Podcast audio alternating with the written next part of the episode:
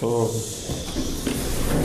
אה, לפי בקשת אה, אה, הרבנים, אז אנחנו ממשיכים לעסוק בחודש כסלו בהתכוננות לקראת ימי החנוכה.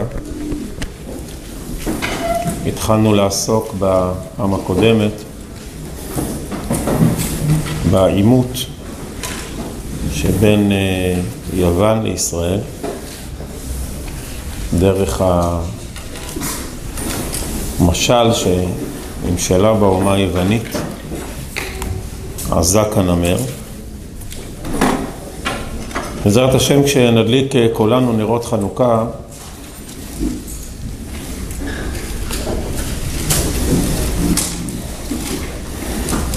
נפסק להלכה שמיד אה, בסמוך להדלקת הנרות יש אה, קטע שחייבים לומר. חלק בלתי נפרד מההדלקה. אנחנו לא רק מדליקים את הנרות, חייבים מיד לומר, הנרות הללו קודש הם, הנרות הללו אנו מדליקים על הניסים והנפלאות. הנרות הללו קודש הם, ואנו רשות להשתמש בהם. והקטע הזה שאנחנו חייבים לומר אותו בצמוד להדלקה, מאוד אה, בולטת בו ההדגשה של הניסים. הנרות הללו אנו, אנו מדליקים על הניסים ועל הנפלאות ועל התשואות. ומטרת הנרות הללו כדי להודות על ניסיך ועל נפלאותיך וישועותיך. זאת אומרת שבחג החנוכה אנחנו מאוד מאוד מדגישים את נושא הניסים. נושא מאוד מרכזי. יותר מחגים אחרים, אנחנו מאוד מבליטים את הנס, היה פה נס, נס גדול היה פה, הרבה נס. על הניסים ועל התשועות, אנחנו מוסיפים גם בברכת המזון וגם בתפילת עמידה. ועשיתם מהם ניסים ונפלאות.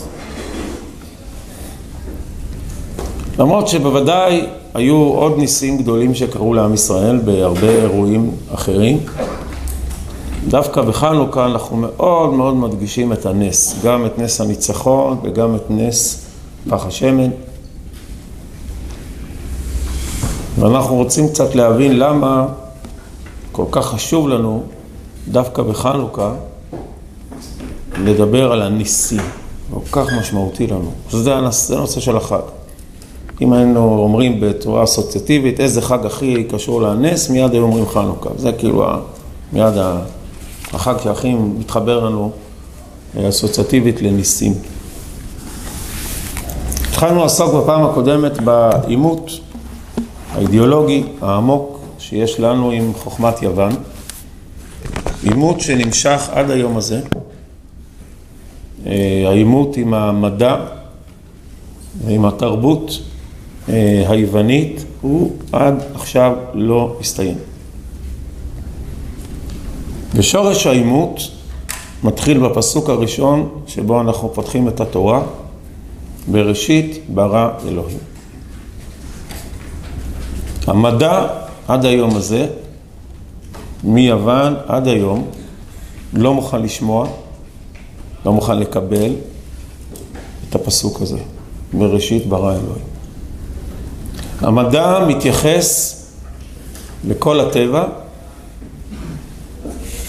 כמכונה מלאת חוכמה, אבל נטולת רצון. אין מישהו שברא את העולם. לא היה איזה רצון בבריאת העולם. המדע היווני אומר שהעולם לא נברא בכלל.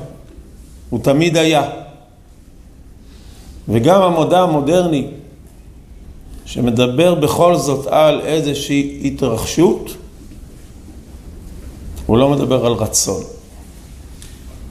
פיצוצים, התרחשויות, תהליכים, כל מיני שמות, רק לא רצון. עולם נטול רצון.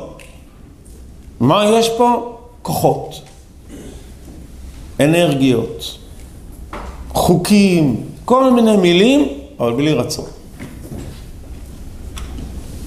כמו שרבי יהודה הלוי, כשהוא תוקף את פילוסוף היווני, פילוסופיה היוונית במאמר ראשון, אומר אתם כל הזמן אומרים הטבע, הטבע. זה חוכמת הטבע, זה הטבע, ככה, כאן משתמשים במילה טבע. העולם המדעי עד היום מתאר את החומר, את הטבע, שאין רצון ביסודו. כלומר, הוא לא בנוי על ערכים. כשאנחנו אומרים בראשית ברא אלוהים, אנחנו אומרים שהיו קודם כל ערכים, היו רצונות, ועל פי הרצונות הערכיים נבראה המציאות. התשתית של העולם זה רצונות טובים. אני אמרתי עולם חסד ייבנה.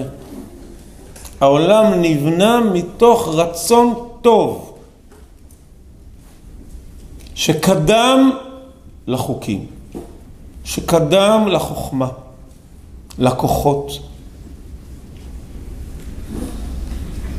אבל בעולם המדעי אין.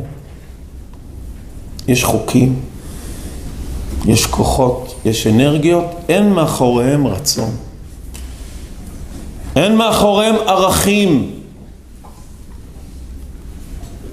הערכים לא עומדים ביסוד המציאות. אז מאיפה באו הערכים? הם לא נמצאים פה בתשתית העולם. ערכים זה משהו שבני אדם המציאו.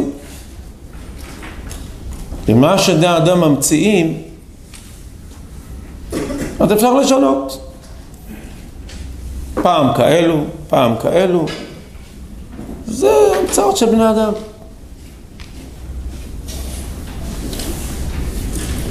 אנחנו מתייחסים לערכים כחוקי על, חוקי היסוד של כל חוקי הטבע. חוק היסוד שעומד מאחורי הפיזיקה, מאחורי הביולוגיה, חוק היסוד הנסתר זה רצון השם. טוב השם לכל, רחמיו על כל מעשיו. הוא נסתר. הוא רצון שלא רואים אותו מיד. אדם יכול להסתובב בעולם ולא לשים לב, לחשוב שזה סתם מכונה שעובדת פה. מה יעזור לאדם לשים לב שיש פה רצון?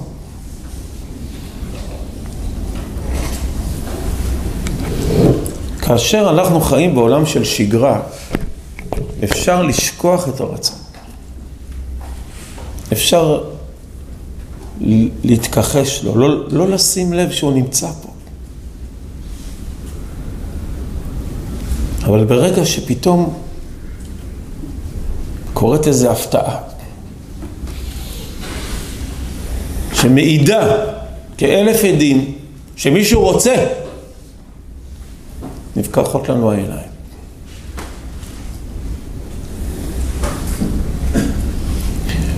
זהו הנס.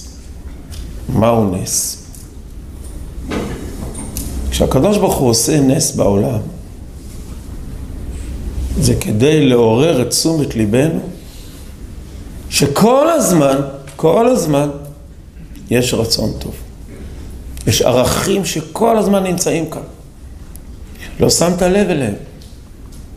אבל בזמן חירום, כשיש טלטלה, כשיש איזה משבר, ופתאום אתה רואה, וואי, משהו פה, חוקי הטבע זזו, חוקי הטבע כפופים לחוק יסוד.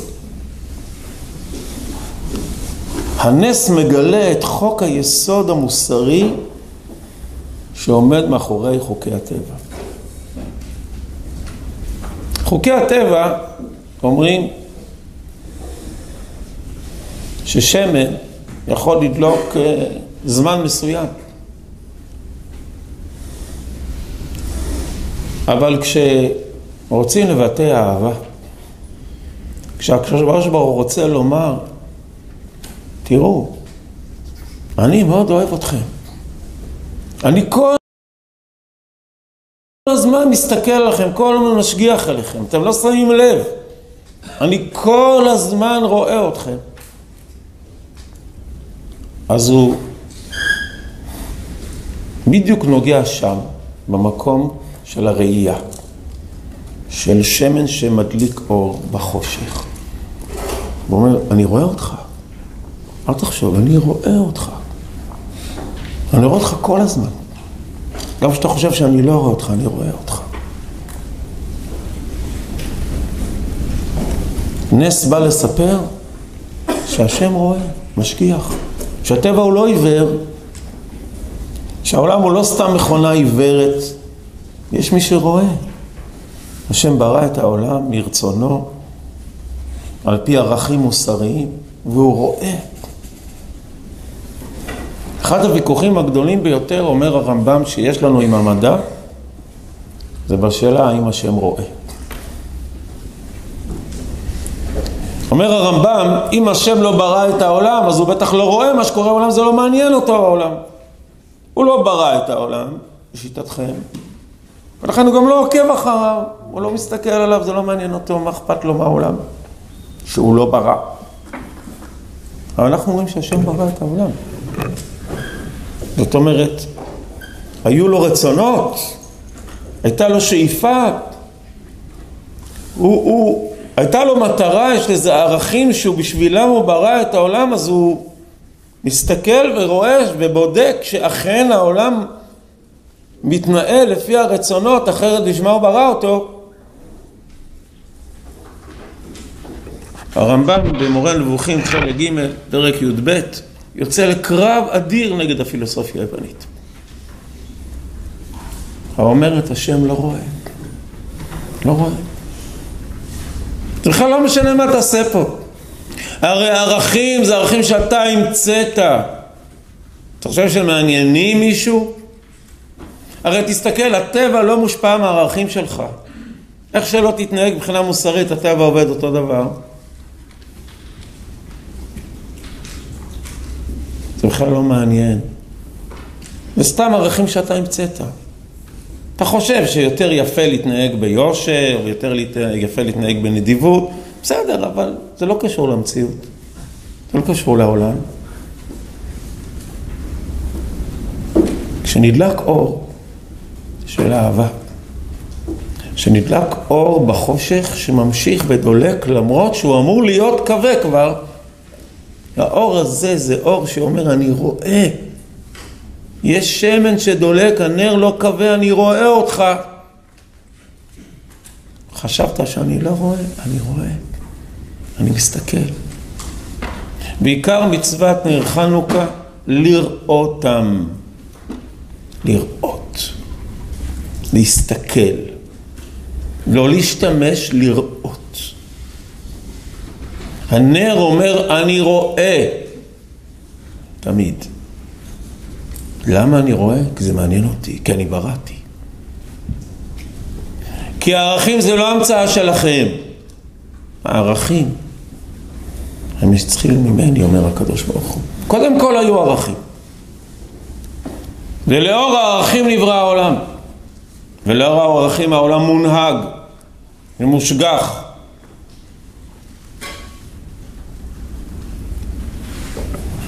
העולם המדעי מיוון ועד היום כופר בהשגחת השם. אין, אין, הוא לא יודע מה קורה כאן. ולמה שידע? הוא לא ברא. איזה חושך זה. איזה חושך זה אנושות ש... אומרים, תשמעו, זה בכלל לא משנה מה תעשו, זה לא מעניין אף אחד. הטבע עובד, כמו עיוור וזהו. אתם יכולים להמציא ערכים כאלו או אחרים, זה לא משמעות. אין לזה שום משמעות. איזה חושך זה. יוון נמשולה לחושך, אומר המדרש. תוהו ובוהו וחושך על פני דהום, החשיכה עיניהם של ישראל. זה מחשיך את החיים. זה בכלל לא משנה מה תעשה, מבחינה ערכית. כשמתגלה נס, הוא אומר לך, הוא מספר לך, אני רואה, אני כאן, אני מסתכל, מאוד חשוב לי מה אתה עושה, מאוד משמעותי. חוקי הטבע קשורים מאוד להתנהלות הערכית המוסרית, מאוד קשורים. אנחנו כורכים ומחברים בין הטבע לבין המוסר, בין הטבע לבין הערכים. עולם המדע לא מכיר בזה. אין שום קשר בין הערכים שלך לערכים של החברה שאתה מייצג לבין התנהלות הטבע. אין שום קשר ואין לזה שום משמעות בכלל.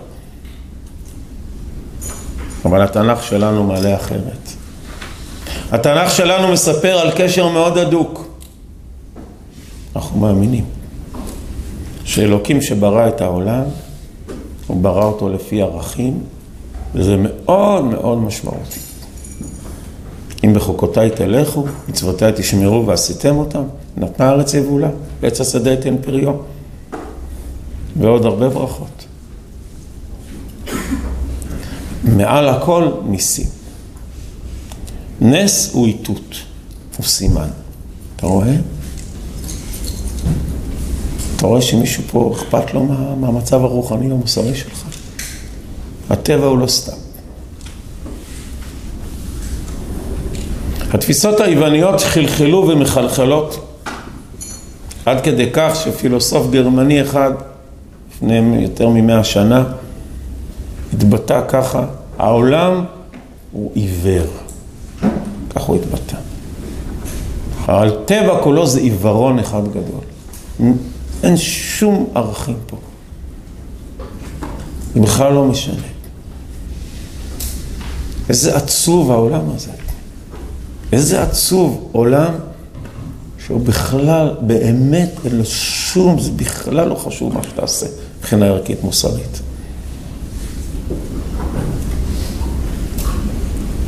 כשאנחנו מדברים על הניסים בחנוכה זה בשביל לראות.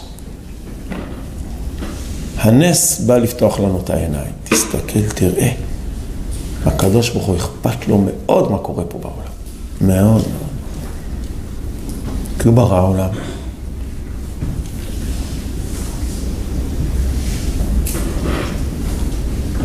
הדגש על הניסים בחנוכה, תמצית המלחמה האידיאולוגית בינינו לבין יוון עד היום הזה. שלוש, שלושה נושאים, אומר הרמב"ם, שכרוכים זה בזה. בריאת העולם, האם יש ערכים ביסוד העולם?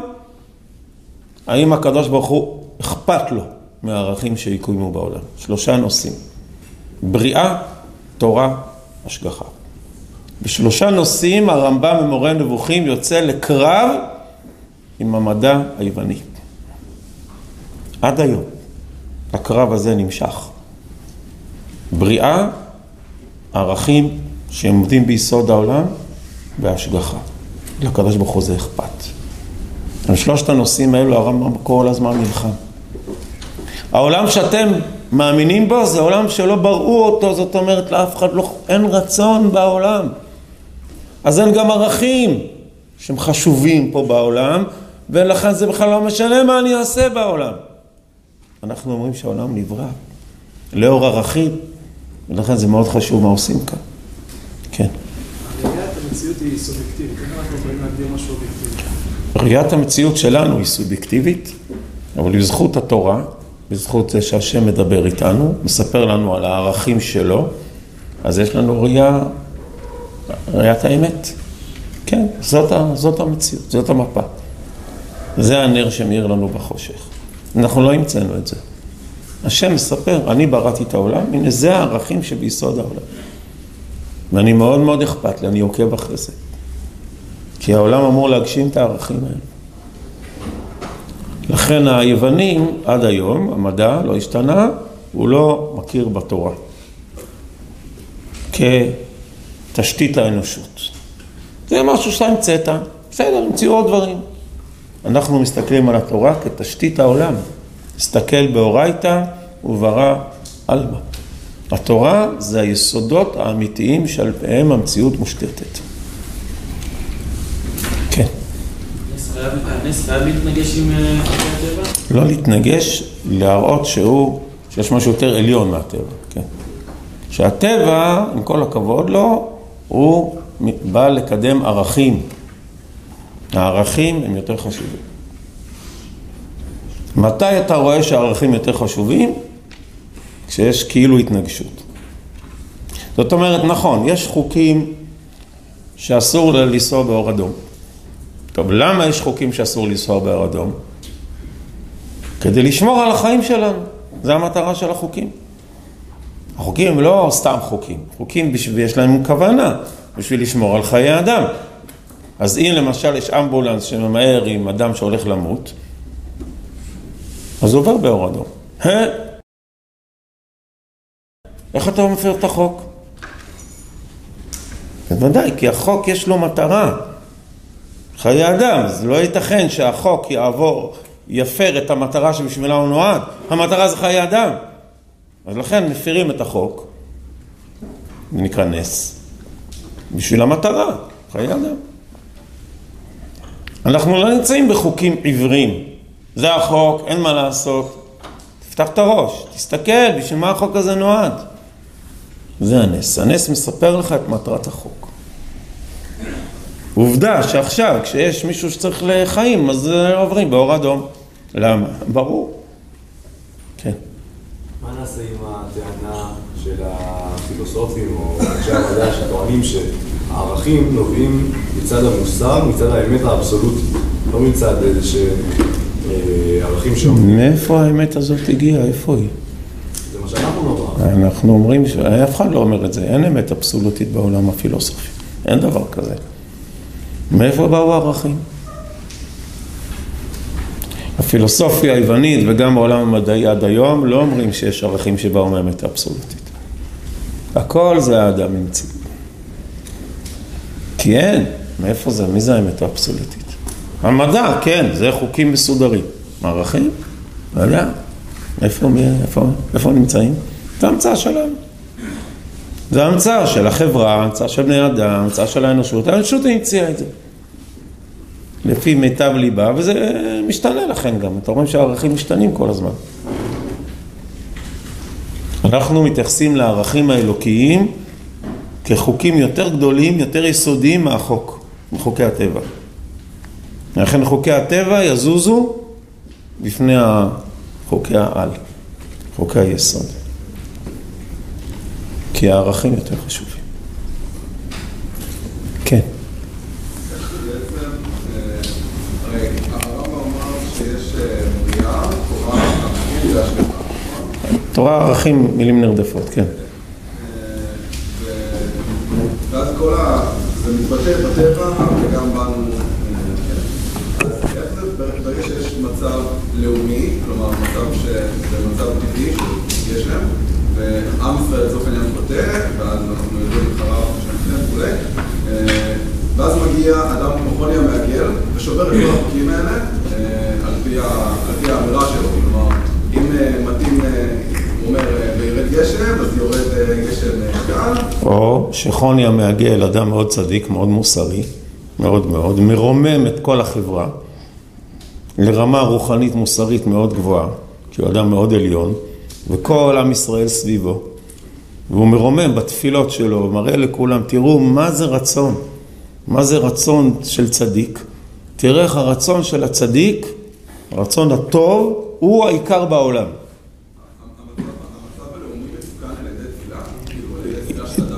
כאשר כל העם נושא עיניו לאותו אדם ורואה בו את המרכז ומתפעל מזה ומתרגש מזה, זה מרים את כולם, משיב את כולם בתשובה.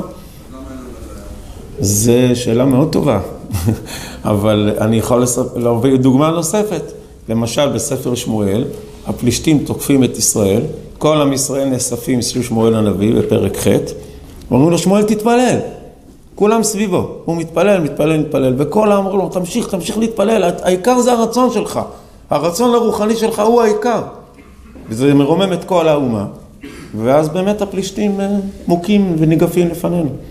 ואתה יכול להיות דמות שהיא כל כך מרשימה ב- בערכים שלה, בצדקות שלה, שכל העם מתנקז סביבה ומשנה את התפיסה שלו. אתה צודק שזה אירועים מאוד מיוחדים, של מישהו שכל כך מנהיג רוחני, כל כך עליון, שכולם כל כך מתפעלים ממנו, שהראש שלהם משתנה, הלב שלהם משתנה, הרמה המוסרית שלהם עולה, התפיסה הרוחנית משתנה, ואז בהתאם, נכון. זאת אומרת שהסיפור שם בחוני זה שכולם באים אליו. העם בא אליו, אמרו לו, תרים אותנו. וכשהוא מתרומם, אז כולם אה, מתפעלים, תסתכל. תסתכל מה זה רצון. זאת הטבע כפוף לרצון. הגשם תלוי ברצונות הרוחניים של האדם. אז זה מרים את כל העם ישראל למעלה. כן. אז אם יכולים להגיד בסוף, אומרים את הערכים של העם ורואים אותו, למה בסוף נמצא בגמרא שהוא היה צריך כאילו היה להיות מנודה. מנודה במובן הזה שהשיח שלו עם הקדוש ברוך הוא עלול לבלבל את האנשים. הוא מדבר בכזאת חופשיות, אז אנשים, יש כמה אנשים, זה עלול לבלבל אותם, כאילו, כאילו אין יראת שמיים. כאילו אין אדם מדבר עם הקדוש ברוך הוא ככה חופשי. אז זה עלול לבלבל כמה אנשים. אבל האמת, שמה שהתגלה אצל חוני זה אהבה. כוחה של אהבה. ותראה מה זה, שיש אדם אהבת השם, השם אוהב אותו. וזה משנה, זה גורם לכולם להתרומם, מה זה אהבת השם? שווה את המחיר קצת של היראה. כן.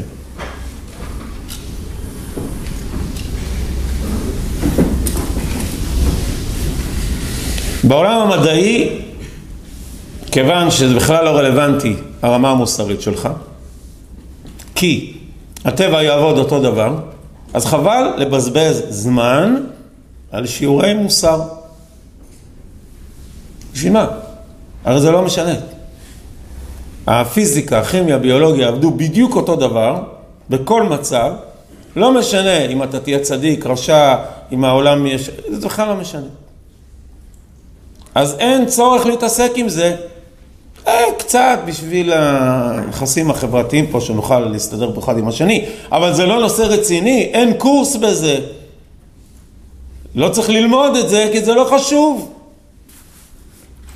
אז אפשר ללכת ללמוד שלוש, ארבע, חמש, שש, שבע, שמונה, עשר שנים, מדעי הטבע, הנדסה, חשמל, אלקטרוניקה, ואפילו לא שיעור אחד, לא קורס, שיעור אחד במוסר. כי זה בכלל לא משנה. זה בכלל לא חשוב. וככה הגענו לאנושות שלא משקיעה בזה אפילו טיפת זמן. כי אין קשר בין החיים המוסריים לבין מדעי הטבע לבין איך שהעולם בנוי. העולם לא בנוי לפי ערכים. אז אפשר ללמוד תואר ראשון וגם תואר שני ותואר שלישי ואפילו לא לשמוע שיעור אחד, קורס אחד, בעבודת המידות. אתה יכול לקבל את כל התארים שאתה רוצה. מי אמר שאתה צריך לעבוד על המידות שלך? זה בזבוז זמן להתעסק עם זה, כי זה בכלל לא משנה. לפני כמה שנים באו לבוגרי צבא שני תלמידים, קצת יותר מבוגרים מהרגיל, כי הם היו, אה, הם היו עתודאים, והם היו הרבה שנים בקבע.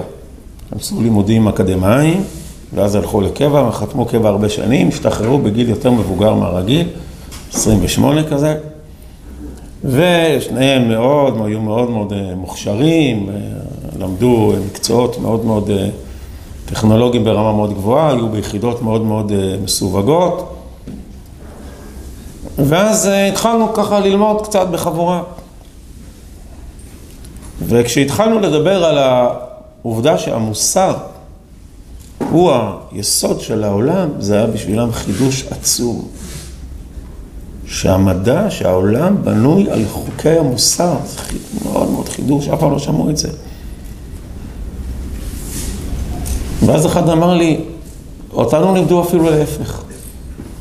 אתם לימדו אתכם להפך? אמר לי, כן. ההפך, לימדו אותנו שהמוסר רק מפריע. ואז סיפר לי, אחד סיפר לי סיפור כזה, ואני בכוונה מספר אותו, כדי לטלטל אותנו, מה זה נקרא יוון, עד היום הזה. הם היו חבורת, אה, חבורת עתודאים שלמדו ביחד, למדו ביחד אה, מחשבים, ברמה גבוהה מאוד. ולקראת המבחנים, הם למדו ביחד למבחנים. כדרכו של עולם, יש כאלה שהם יותר ככה הבינו טוב את השיעור, יש כאלה שפחות הבינו. הם היו חברים טובים. עזרו אחד לשני, מי שהבין טוב, עסק או עזר לאחרים, הסביר וזה, כי התקלנו ביחד. חברות, ידידות, חסד, עזרה הדדית, כל מיני שמות אפשר לקרוא לזה. אחד המרצים, באחד השיעורים, אמר כך, שמעתי שיש לכם קבוצת לימוד ואתם עוזרים אחד לשני להתכונן למבחנים ואלה שחלשים אז אתם, החזקים עוזרים להם להשלים את החומר ולהבין ולקבל גם ציונים טובים. אני דורש להפסיק עם זה. אני דורש להפסיק. אני לא מוכן שתלמידים חזקים, סטודנטים חזקים יעזרו להתכונן למבחן לסטודנטים חלשים אז אתה קורא למה? אנחנו נמצאים בתחרות. ומה שמקדם את העולם זה התחרות. התחרות נוצרת על ידי זה שיש פערים, ויש מתח, יש את המצטיינים ואת החלשים, ויש, אנחנו צריכים להציג את זה גם, מי המצטיינים, מי החלשים, ויש ככה תחרות בין האוניברסיטאות, ככה העולם עובד. ואתם הורסים הכל. כי צריך שיהיה מאוד ברור מי המצטיינים ומי החלשים. כשאני, כולם, זה לא ברור מי זה, אז אתם הורסים את כל אפקט התחרות הפנימית, ואז זה משפיע גם על התחרות החיצונית. לא הבנתי מה שהוא הסבר שם. אני דורש להפסיק. זה לא טוב למערכת. ככה הוא אמר לי, אותו בחור. הסבירו לנו. שלהיות מוסרי זה לא טוב. שלהיות בעל חסד זה לא טוב, זה מפריע. החסד מפריע למנגנון, למנגנון התחרותי שעל פיו הכלכלה, או אין לי מושג מה עובד. וזו רק דוגמה אחת.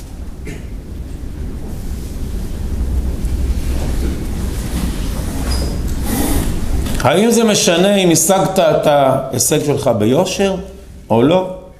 מה זה חשוב? האם היית נדיב, לא נדיב, היית צנוע או לא צנוע, מה זה חשוב? בכלל, ממתי צריכים להיות צנועים? ממתי זה לא טוב להתגאות? דווקא זה טוב. אפשר להשתמש באנרגיה של הכבוד והגאווה, להוציא מאנשים יותר, זה דווקא טוב. אנשים רוצים, תפתה אותם, תקבלו כבוד, תקבלו גאווה, זה מריץ את ההישגים, דווקא זה טוב. בכלל לא משנה הערכים.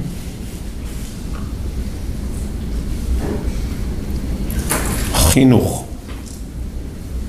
מה זה חינוך? למה מחנכים? על פי מה מחנכים? האם החינוך זו הרצפה, זו התשתית שלפני המדע, המדע חשוב מאוד, חוקי הטבע,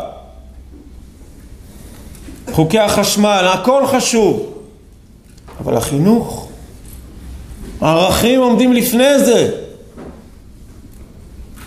אם אתה לא מתנהל לפי הערכים, אז מה זה שווה?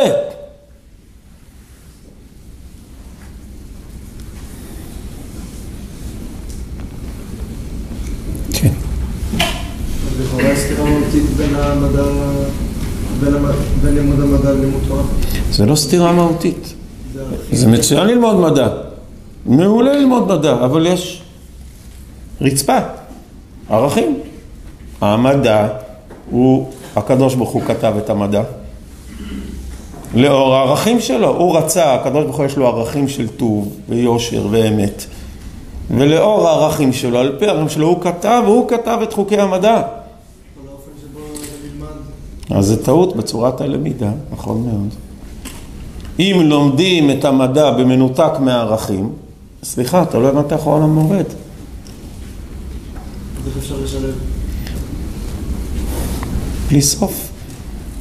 אנחנו פה כל יום חיים פה הרבה אנשים שמשלבים, הרבה מאוד אנשים שלומדים את התורה, והתורה מעצבת את האישיות המוסרית שלהם, ומדענים, מדענים ואנשי חוכמה בוודאי, אבל לאור הערכים, תמיד לאור הערכים. תמיד המדע, החוכמה, בשירות למען הערכים. אף פעם הגולם לא יקום על יוצרו. לעולם ההתקדמות המדעית, הטכנולוגית, לא תהיה מנוגדת לערכים. מה פתאום? מה פתאום? כי הצניעות יותר חשובה, כי טוב הלב יותר חשוב, כי היושר הוא הכי חשוב, כי הנדיבות כל כך חשובה. וההתקדמות המדעית היא באה לשרת את הערכים. היא באה בשם הערכים.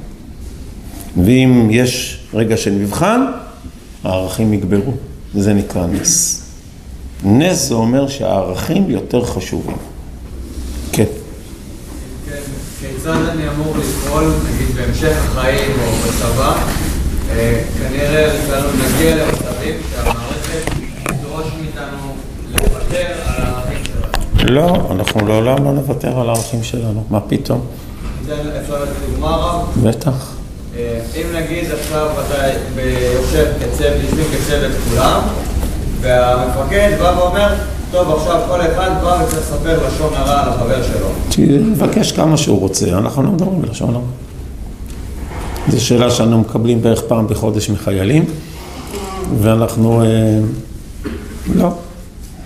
ולפני חצי שנה בא אליי חייל בקורס אה, מפקדים, ואמר לי שיש מבחן על החומר, והחבר'ה מגלים אחד לשני את התשובות, ולזה שמשגיח למבחן זה לא אכפת לו. יש איזה מפקד שיושב שם, זה לא מזיז לו. הוא אומר, אני היחידי שעשיתי מבחן ישר. אבל כולם מגלים אחד את השני. אז מה? הערכים יותר חשובים. בוודאי שהם יותר חשובים.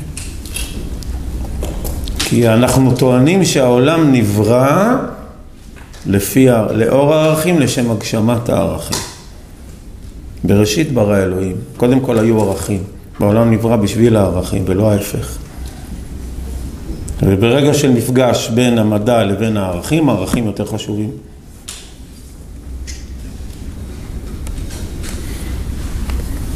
אנחנו ראינו את ההיסטוריה, מה קורה כשיש מדע שלא כפוף לערכים. היינו שם, ראינו הכל. היו דוקטורים והיו מהנדסים והיה הכל.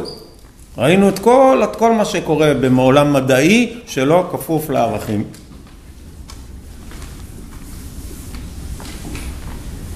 זה לא עניין של התנהגות, זה עניין עקרוני.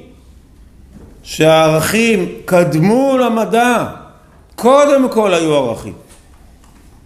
בראשית, ורק על פי הערכים נברא העולם. כשאנחנו מדליקים את הנרות, אנחנו אומרים הנרות הללו קודש ואין לנו רשות להשתמש בהם. הערכים הם לא מצד התועלת השימושית. אנחנו לא מודדים אותם מצד הערך השימושי שלהם. הערכים הם עניין מעל. יש הרבה דברים שימושיים. זה טוב שתלמד מדע, זה מאוד מאוד חשוב. זה מאוד מאוד עוזר. זה מאוד שימושי. אבל מעליו, יש את הנרות הללו קודש הם, שאין לנו רשות להשתמש בהם. הערכים הקדושים שלנו בחיים, אנחנו לא מודדים אותם בעיניים שימושיות. אנחנו נעסוק בעזרת השם גם בפעם הבאה בסוגיה החשובה הזאת של הקודש והחול, זה אחת הסוגיות החשובות של חנוכה, הנרות הללו קודש הם. הקודש, הערכים הקדושים שלנו, הם יותר עליונים מכל החול. הוא חשוב מאין כמותו החול. מה זה נס?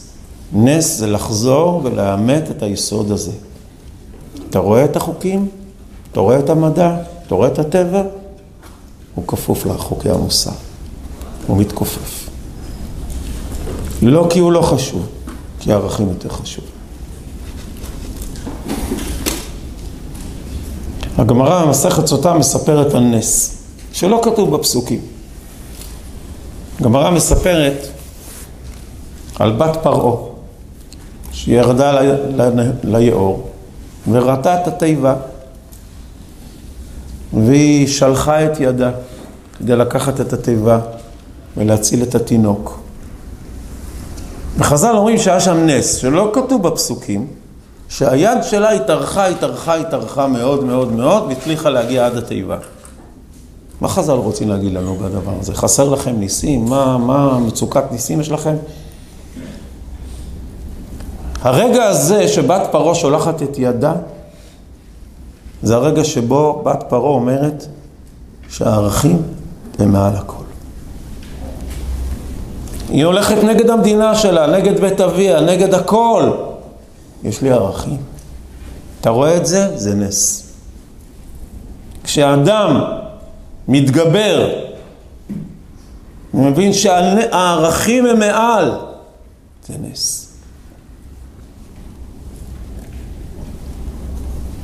מתי מתרחשים ניסים, שואלת הגמרא במסכת ברכות? מתי מתרחשים ניסים? כשאנשים מעדיפים את הערכים העליונים על פני מה שקורה במציאות. לא כי הטבע לא חשוב, כי הערכים יותר חשוב. אז מתרחשים ניסים. הקדוש ברוך הוא מאותת, הוא אומר נכון. תמיד הערכים יותר חשובים. הערכים עומדים ביסוד המציאות. שלוש נקודות, אומר הרמב"ם, אני לא מוכן להתפשר על זה עם הפילוסופיה היוונית. בריאה, ערכים מוחלטים במציאות, השגחה. כן. מה העניין אבל לשים בני אדם בעולם ולהגדיר להם סט ערכים? זה לא הרבה יותר נכון או יפה או נעלה לשים בני אדם ולתת להם להגיע לאותם ערכים בעצמם? כן, היה בהתחלה ניסיון כזה, והאנושות נכשלה. בכל המבול, תקופת המבול, זה כמעט, כמעט אלפיים שנה, כמעט אלפיים, אלף חמש מאות שנה, שזה היה הניסיון.